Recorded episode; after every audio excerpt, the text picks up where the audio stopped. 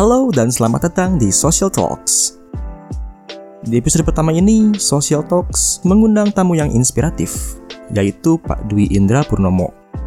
Beliau adalah seorang dosen, social entrepreneur, dan beliau adalah founder dari The Local Enablers.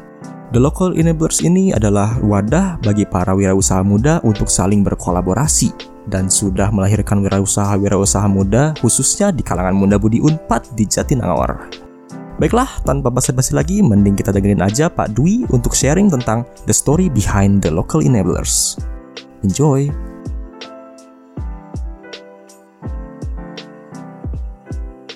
Ya, terima kasih banyak teman-teman udah uh, hadir hari ini dan ini namanya The Local Enablers. Banyak yang tanya apa The Local Enablers. Saya juga agak sulit menggambarkan apa sebenarnya The Local Enablers. Kadang-kadang orang memposisikannya sebagai kamu bikin inkubator bisnis ya, enggak ini bukan inkubator bisnis, ini ekosistem. Ekosistem ini juga punya bisnis model dan kita cari terus bisnis model. Jadi kalau teman-teman ngobrol sama teman-teman the local enablers, uh, kita bisa klaim sebagai uh, sebuah komunitas tapi punya bisnis model yang jelas, mau ke mana, cita-cita, goalsnya apa, kita menerapkan theory of change yang bagus, enggak sekedar teori karena latar belakang saya adalah dosen, uh, peneliti, pembelajar, tapi saya nggak suka dengan julukan peneliti sebenarnya karena saya sukanya pendidik. Saya suka banget, saya suka banget dengan dunia pendidikan. Oleh karena itu, kami banyak sekali menulis tentang kurikulum, tentang bagaimana mengaplikasikan penelitian di masyarakat dan lain-lain. Jadi uh, kalau the local enabler sih sebenarnya udah berjalan lama dan baru-baru ini kita direkognisi sebagai key players on social enterprise di dari UNESCAP, uh, sebuah lembaga PBB di bawah PBB dari British Council dan uh, Kementerian Bappenas. Sebenarnya Unpad juga mendapatkan rekognisi sebagai universitas uh, yang bergerak uh, di bidang social enterprise. Tapi sebenarnya menjadi unik karena ini Unpad menjadi satu-satunya universitas yang tidak menerapkannya di bidang kurikulum. Jadi secara formal kami nggak menerapkannya di kurikulum. Mungkin ke depan iya. Kenapa? Karena memang banyak sekali challenge ya untuk menerapkan social enterprise di bidang kurikulum secara formal. Karena ngubah kurikulum itu butuh energi banyak, makanya kita hadir sebagai ekosistem. Jadi kalau anak-anak Unpad ini nggak pernah kok dapat kurikulum tentang social enterprise, iya, tapi ekosistemnya pasti dapat. Pasti pernah merasakannya, pasti pernah tergerak untuk uh, bergerak di bidang social enterprise. Maka sampai saat ini tercatat ada 150 usaha di, di ekosistem kami yang baru. Uh, usahanya kecil-kecil, tapi kita nggak fokus sama membesarkan usaha, tapi tentang sustainability, tentang impact. Jadi kalau kita ngomongin uh, teman-teman, kalau di sini pastinya bergerak di bidang sosial pasti kenal dengan teori of change.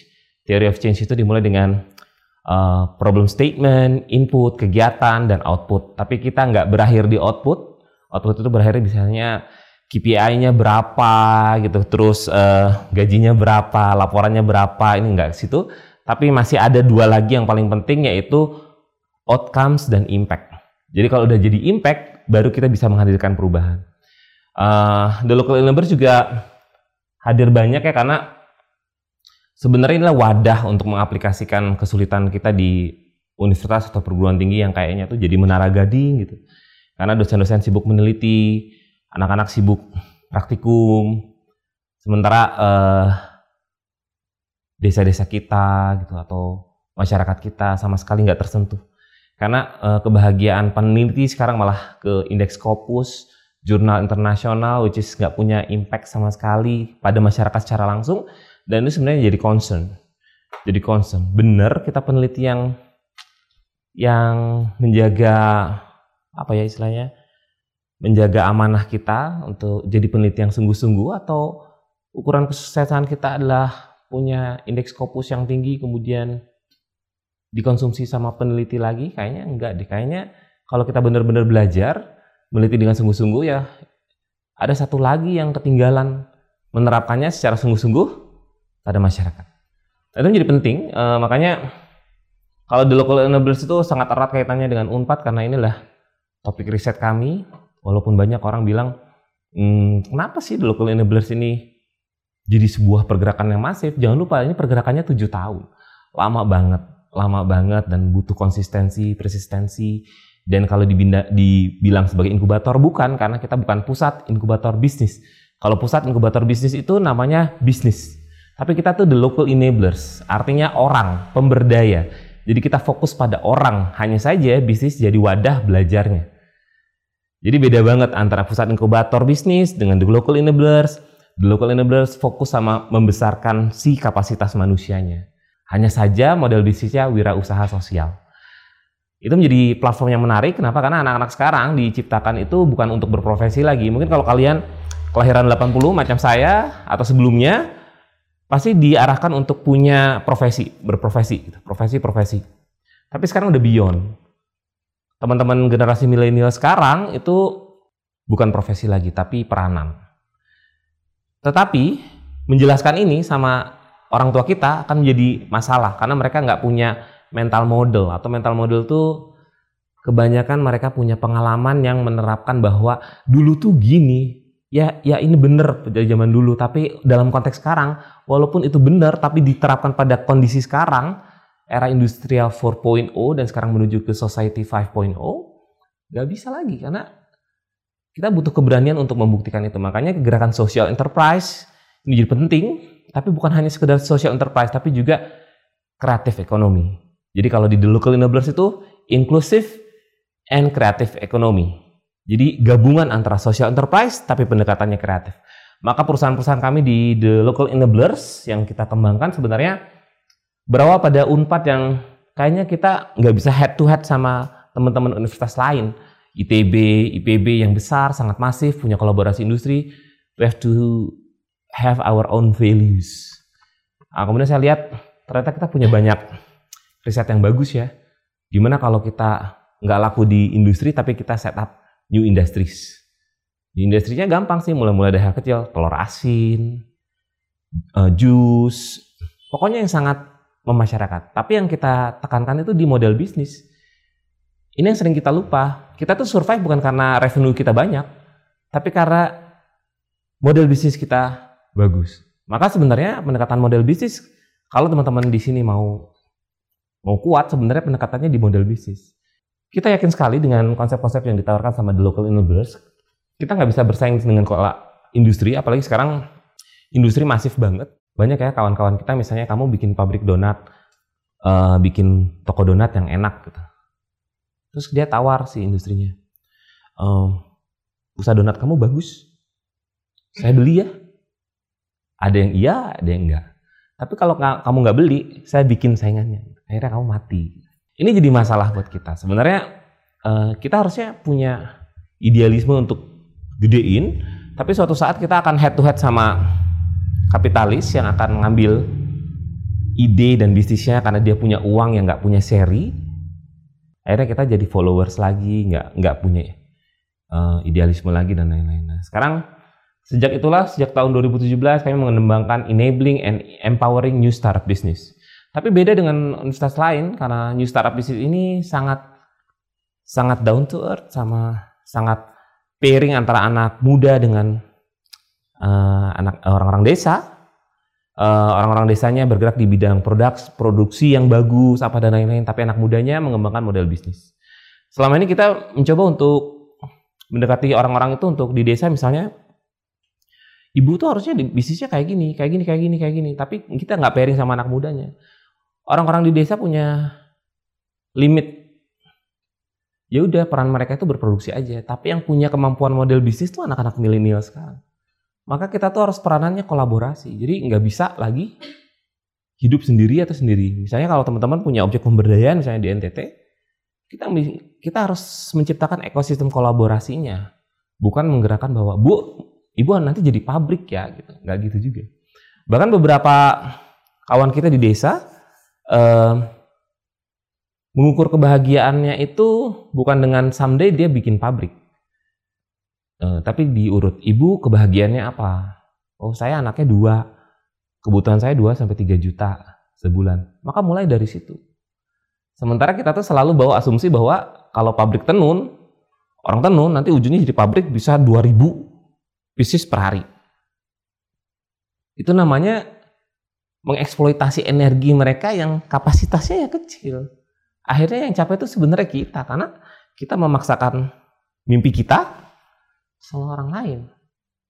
Terlebih orang-orang yang kita jadikan objek pemberdayaan. Harusnya kita ngukur mereka tuh bahagianya apa. Kalau kita bilang source of energy, source of energy itu banyak ya, karena teman-teman di sini pasti beda-beda nih. Source energinya apa, source of energinya apa beda-beda. Uh, kamu bekerja karena saya pengen membahagiakan orang tua, kamu bekerja karena saya punya goals di masa depan, saya bekerja karena teman saya ada yang difabel apa dan ini semuanya harus di capture. Tapi kita tuh habis energi kita karena kita menyamakan energi kita dan kebahagiaan. Contohnya misalnya, anak-anak itu didorong untuk punya IPK tinggi gitu. Source of happiness kita tuh jadi rusak. Kenapa? Karena kita hanya punya satu kriteria baik, yaitu kalau kamu sukses IPK-nya bagus gitu. Jadi kayaknya ini yang salah dengan pola pemberdayaan kita. Sama dengan kalau kita turun ke bawah. Makanya yang paling penting sebenarnya dalam di Local Universe ini adalah kayak kita tuh harus bikin wadah wadah persemaian, penumbuhan, pemantapan, akselerasi, mengembangkan keberlanjutan wirausaha berbasis teknologi proses lewat inovasi sosial. Yang saya tekankan bahwa yang harus kita tanamkan di masyarakat dan kita, kita tuh harus bikin wirausaha tapi basisnya riset ya. Basisnya teknologi. Jangan hanya sekedar wirausaha tapi kalau nggak basis riset, basis teknologi kita akan bikin perusahaan-perusahaan yang barangnya tuh impor dari Cina. Misal, oh bagus nih jualan jilbab, makin banyak orang-orang jualan jilbab, jualan himar dan lain-lain. Tapi ujungnya di mana nih? Jangan-jangan semakin bagus penjualan himar, tapi juga membuka keran impor yang begitu banyak. Sehingga akhirnya negara lain Cina yang unggul, tapi petani-petani kita nggak bisa nanam kapas. Tapi kita seneng banget jadi jualan, tapi ujungnya di mana? Makanya kontekstual thinkingnya tuh harus kuat gitu. Kamu jualan apa, ujungnya di mana, dampaknya ke mana. Kalau sekarang online marketing itu banyak banget dan sekarang kalau kita telusuri nggak ada tuh yang berujung di desa. Jarang banget yang berujung di desa jadi industri. Maka kalau kita jualan, value-nya harus muncul, bukan hanya karena ini lebih murah daripada yang lain. Ada beberapa keyword di sini, semai, tumbuh, mantap, akselerasi yang banyak orang-orang lakukan terutama di inkubator bisnis di sini mengakselerate. Terus siapa yang bertugas untuk semai, numbuh, mantap? Gak ada. Jarang. Harusnya lembaga pendidikan ini berperan, tapi nggak ada konsen ke sana juga. Maka saya banyak sekali mengkritisi kenapa kalian selalu ngambil orang-orang yang udah bagus, tapi kamu nggak pernah nanam. Itu nggak fair begitu harusnya kita introspeksi kalau kita bagus input apa yang diperlukan seperti biar saya kayak sekarang. Kalau teman-teman pengen manusianya Indonesia unggul maka kamu harus lihat dari kecil sampai sekarang input yang kita peroleh itu kayak apa.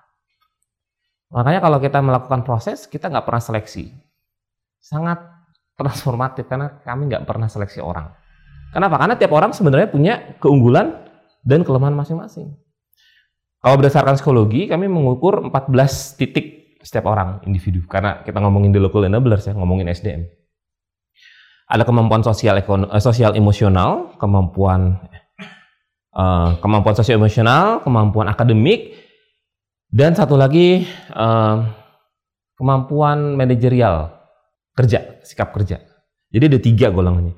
Yang ini berapa, berapa, berapa, totalnya 14. Misalnya teman-teman di sini pasti terpilih karena kemampuan akademiknya dari yang kemampuan akademis ini tinggi, kamu tuh kemampuan akademis tinggi, tapi ternyata sikap kerja kamu tuh jelek banget karena sistematika kerjanya jelek. Ngebangun orang itu masalahnya lama. Kalau ngebangun orang, lama. Ngebangun produk, dua hari juga jadi. Gampang. Nah sekarang kita punya rencana nggak ngukur kapasitas orang ini? Saya flashback. Saya sering ketemu sama anak-anak semester 4 atau 5 ya. Yang 17 tahun lalu, saya itu ada di semester 4 dan 5, waktu S1. Jadi S1 saya angkatan 98, kalau ditarik 17 tahun yang lalu, saya berada pada posisi 4 dan 5. Di mana anak-anak mahasiswa biasanya udah mulai, wah saya harus berwirausaha. Itu 17 tahun lalu. Saya ingin tarik, kalau mereka semester 4 dan 5 sekarang, 17 tahun lagi kira-kira kita berada pada kondisi apa? 17 tahun lagi itu tahun berapa? Dari sekarang? 2035-2036 adalah bonus demografi Indonesia. Yang diceritakan oleh beberapa riset kita akan menjadi sumber ekonomi terbesar ketujuh di dunia. Tapi 17 tahun lagi bonus demografi. Apakah SDM kita benar-benar dipersiapkan dengan sungguh-sungguh sehingga tahun 2035-36 itu nggak tanda bintang syarat dan ketentuan berlaku. Makanya saya ini ya selalu serius. Nggak, kita harus mulai sekarang nih. Gitu. Kita nggak bisa nunggu. Kita harus mulai sekarang. Karena 17 tahun lagi nih. Gitu. 17 tahun lagi itu waktu yang singkat teman-teman. Dan enggak nggak apa yang terjadi kalau kita nggak ngebangun manusianya dari sekarang. Kita akan melewati bonus demografi itu dengan sia-sia. Maka hashtag kami adalah jangan lelah berproses. Tapi ada ilmu-ilmu manajemen modern yang kita lakukan di local enablers itu. The local enablers sangat open sama new tools in management. System thinking, design thinking, system dynamic, agile project management, scrum. Maka kantor kita penuh dengan post-it, maka penuh dengan meeting-meeting berdiri, maka penuh perdebatan yang sangat bagus. Tidak ada hierarki di kita, semuanya sama, functional, contribute, design sprint, apa dan lain-lain. Istilah-istilah yang ada di unicorn, kita terapkan di social enterprise. Nggak nggak bakal kayak apa. Ya belum ke, belum kelihatan sih, tapi kayaknya bakal bagus nih anak-anak. Kalau ilmu-ilmu manajemen modern itu diterapkan pada social enterprise. Saya kasih contoh. Ilmu manajemen di social enterprise menjadi penting Kenapa? Karena teman-teman pernah ke stasiun kereta api nggak? Tugas satpam itu apa? Ngecek KTP, pekerjaan customer service dia lakukan, greetings dia lakukan. Kalau kertas tiketnya habis dia yang ganti gitu. Kalau ada sampah dia yang pungut gitu. Sementara ini anak-anak muda, kamu tugasnya ini ya, kamu tugasnya ini, kamu tugas ini. Itu bukan tugas saya pak, itu tugas divisi itu. Itu yang nggak agile. Karena kalau ada kesam, kalau ada piring kotor, itu tugasnya OB. Itu yang bikin organisasi kita nggak jalan dan lama. Tapi kalau agile, sprintnya dibikin per part, semuanya konsentrasi beresin sprint satu, beresin sprint dua, beresin sprint tiga. Kalau hierarkis zaman dulu sih jalan, tapi itu kan zaman dulu. Sekarang itu konteks manusianya anak-anak muda yang nggak mau disuruh. Kamu kerjain ini, beresin ya. Karena memang dulu sistematiknya gitu. gitu. Kalau anak-anak sekarang kamu beres, uh, saya lebih berat daripada yang itu, divisi ini lebih berat daripada nggak gitu. Maka mau nggak mau, kalian harus punya mimpi juga bahwa untuk membesarkan kantor kecil ini, ya saya bilang kantor kecil karena tapi kita punya mimpi besar ya. Maka kita punya five bold step namanya. Tahun ini di sini, tahun ini di sini, tahun ini di sini, tahun ini di sini, tahun ini di sini gitu. Harus punya mimpi besar. Itu yang kita lakukan di The Local Enablers. The Local Enablers ini katakan inilah kita selalu mengkonektivitaskan antara desa, komoditasnya apa, petaninya siapa, universitas, komunitas, urban areas. Kita jual lebih mahal, tapi kita bukan jual harga, kita jual value. Sebagian profitnya kita lakukan untuk penguatan enablers dan penguatan desa. Itu yang kita lakukan. Ini namanya social enterprise. Social enterprise itu agak beda dengan social business lain karena ekosistem ini benar-benar sungguh-sungguh connecting the dots. Kita nggak punya uang banyak, tapi kita bisa klaim kita kaya banget. Tapi kaya resource, man, mission, material, method, money.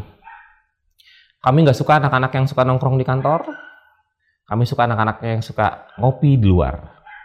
Kamu ngopi di luar, kamu ngopi di luar. Kamu ngapain ada di kantor? Kamu ngapain ada di kantor? Kamu ngopi di luar. Bawa laptopnya. Pakai laptop yang terbaik. Pakai handphone yang bagus Enggak, karena itu alat produksi kita. Dan agile itu kayak gini, kalau kamu misalnya, kalau kamu mau mau dibeliin laptop sama manajemen, boleh. Tapi kalau kamu berpikiran, saya bisa beli laptop sendiri. That's how agile are you. Jadi kalau saya bisa beli laptop sendiri, kenapa saya harus meminta dari kantor? Terus kenapa organisasi kita nggak bergerak? Karena kalian kurang ngopi. Sebenarnya Insight Networks itu diperoleh dengan experience keluar. Maka setiap pagi kita brainstorming, siang kita keluar, sore kita punya lesson learn. Hari ini belajar apa? Hari ini belajar apa? Bukan hari ini udah dapat apa, bukan. Hari ini belajar apa? Maka kalau di teman-teman local neighbors punya wall of impacts, sama sekarang lagi bikin wall of fails. Wall of fails itu gagal ini. Saya gagal ini. Benerin, saya gagal ini, benerin, saya ini. Karena pelajaran itu wall of fails. Oh, saya fail Saya selalu contohin ini. Apakah kalau teman-teman berangkat ke warung kopi itu uh, milih meja yang kosong atau meja yang udah terisi? Ya karena kalau di negara maju nggak milih meja yang kosong, milih meja yang ada orangnya kemudian kita bisa networking dari situ. Gimana cara nyapanya? Gimana kita cara nyapanya biar nggak ngeganggu? Gimana caranya kita bisa jadi teman berbicara yang baik? At the end kita menjadi key partner sama mereka. Duduk di sebuah cafe kemudian orang yang merasa terganggu itu fails buat kita. Maka berikutnya kamu duduk benerin dong, jangan fails lagi. Itu dilatih nggak sama kita? Ya karena kita ngerasa bahwa duduk di meja yang lain itu akan gangguin orang. Ya salah, ya salah kita karena kamu nggak belajar deketin orang dengan benar. Gitu. Sementara kunci kesuksesan kita tuh ada di mana? Di silaturahmi. Saya ngajar di Vkom ekonomi kemarin saya ngajar di Vkom kemudian mereka nggak mau nyapa sama dosennya Eh ternyata bukan sama dosennya doang. Mereka duduk di kursi nggak nyapa temennya juga. Tapi kalau dia keluar negeri, dia bisa ketemu misalnya katakanlah Sasha orang Jerman. Hi Sasha, how are you today? How's your sleep? Do you enjoy your hotel and bla bla bla gitu. Tapi kamu nggak melakukannya di sini. Kenapa begitu teman-teman duduk di sini kamu nggak nyapa? Gimana tadi jalan macet gitu? Eh bajunya bagus, batiknya bagus nih dari mana gitu. Kenapa kalian nggak nggak melakukan itu? Karena kita ngerasa biasa, ya kan?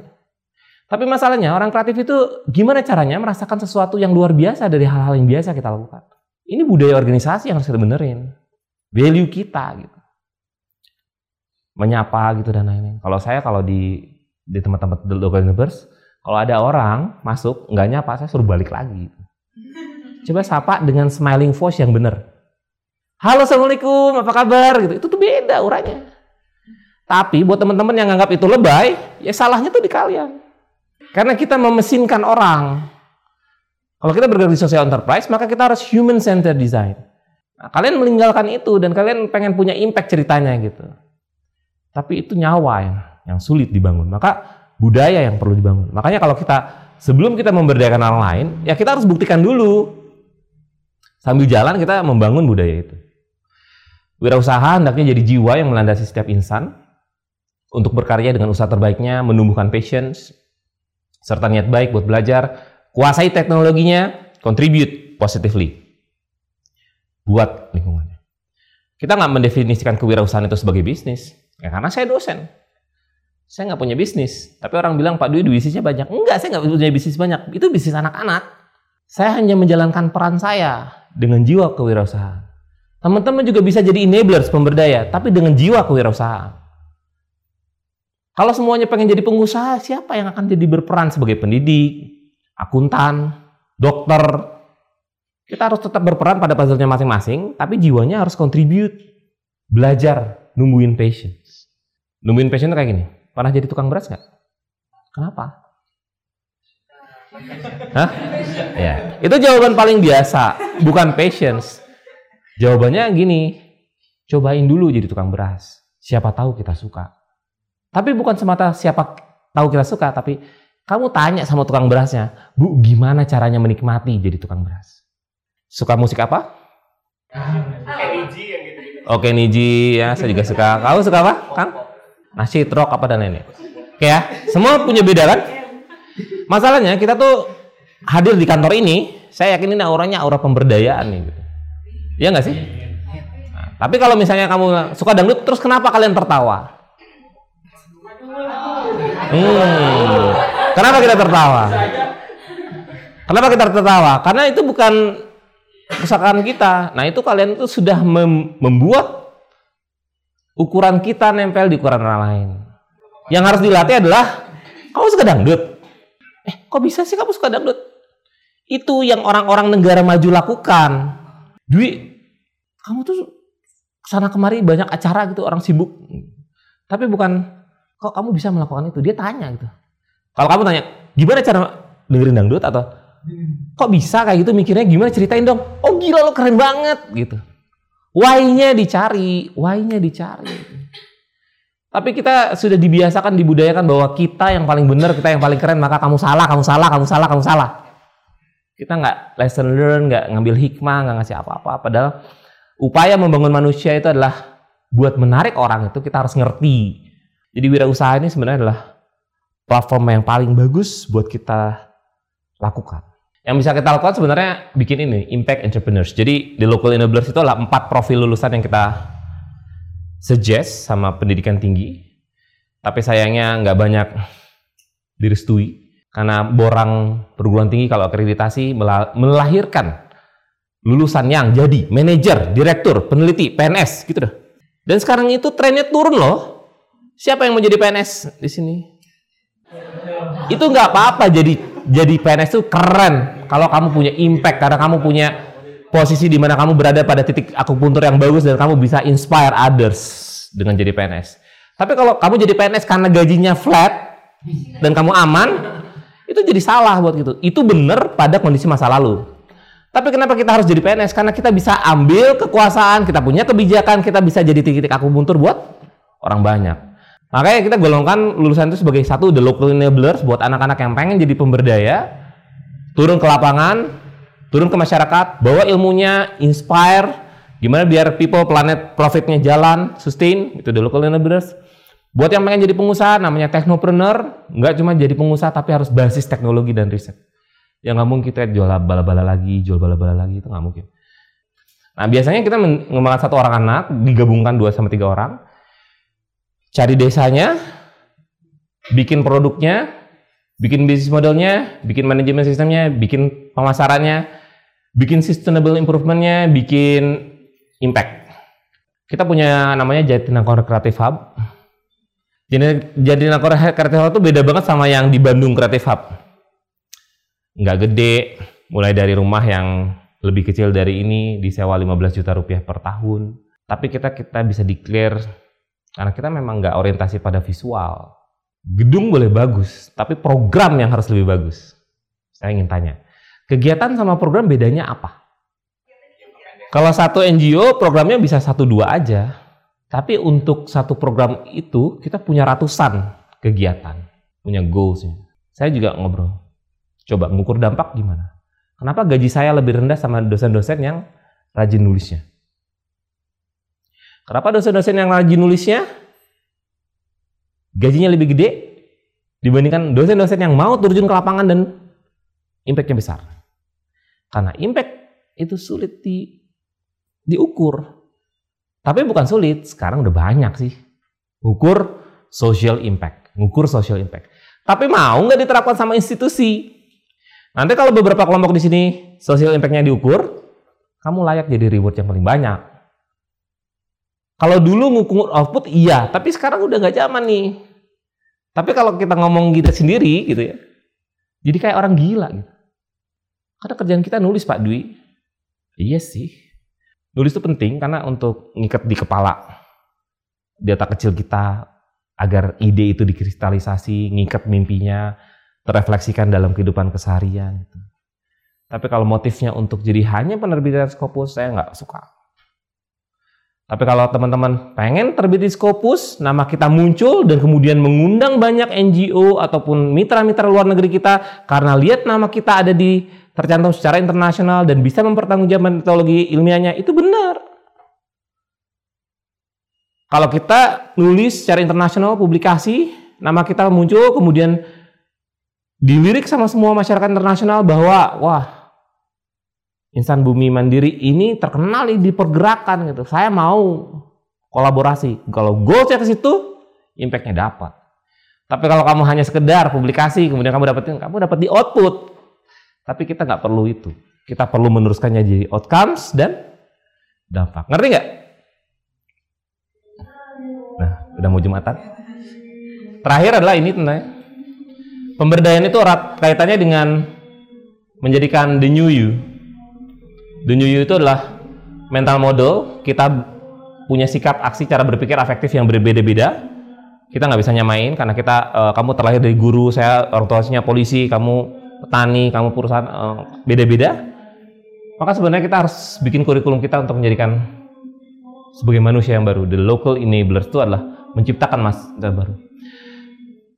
Uh, masa depan itu erat kaitannya dengan kita tahu mau ke mana, didefinisikan definition of done maka sebenarnya kita akan mengundang hukum ketertarikan hukum ketertarikan itu adalah kalau kita tahu mau jadi apa biasanya alam itu suka nggak datengin Misalnya kamu pakai tas mereknya Eiger gitu. Nanti di jalan itu kamu sering pulang kamu banyak yang nemuin tas merek Eiger gitu. Itu namanya hukum ketertarikan. Tapi kalau kita nggak tahu kamu pengen punya tas apa ya pengen gitu aja ya nggak bisa hukum ketertarikannya nggak nempel gitu. Kalau kamu pengen jadi perawat, maka sepanjang hidup kamu kamu akan ketemu sama orang-orang perawat atau yang pernah dirawat atau yang punya cita-cita sama. Tapi kalau kita nggak mendefinisikan kita pengen jadi perawat, kita nggak akan pernah nemu hukum ketertarikan. Ini sebenarnya yang salah dari pergerakan kita karena kita nggak pernah define definition of done sama goalsnya sehingga hukum ketertarikan itu nggak pernah mampir walaupun ada di sekitar kita. Itu ngilangin setengah energi, uh, energi yang dibutuhkan. Saya kira itu aja sharing kita. Terima kasih banyak. Assalamualaikum warahmatullahi wabarakatuh. Ya.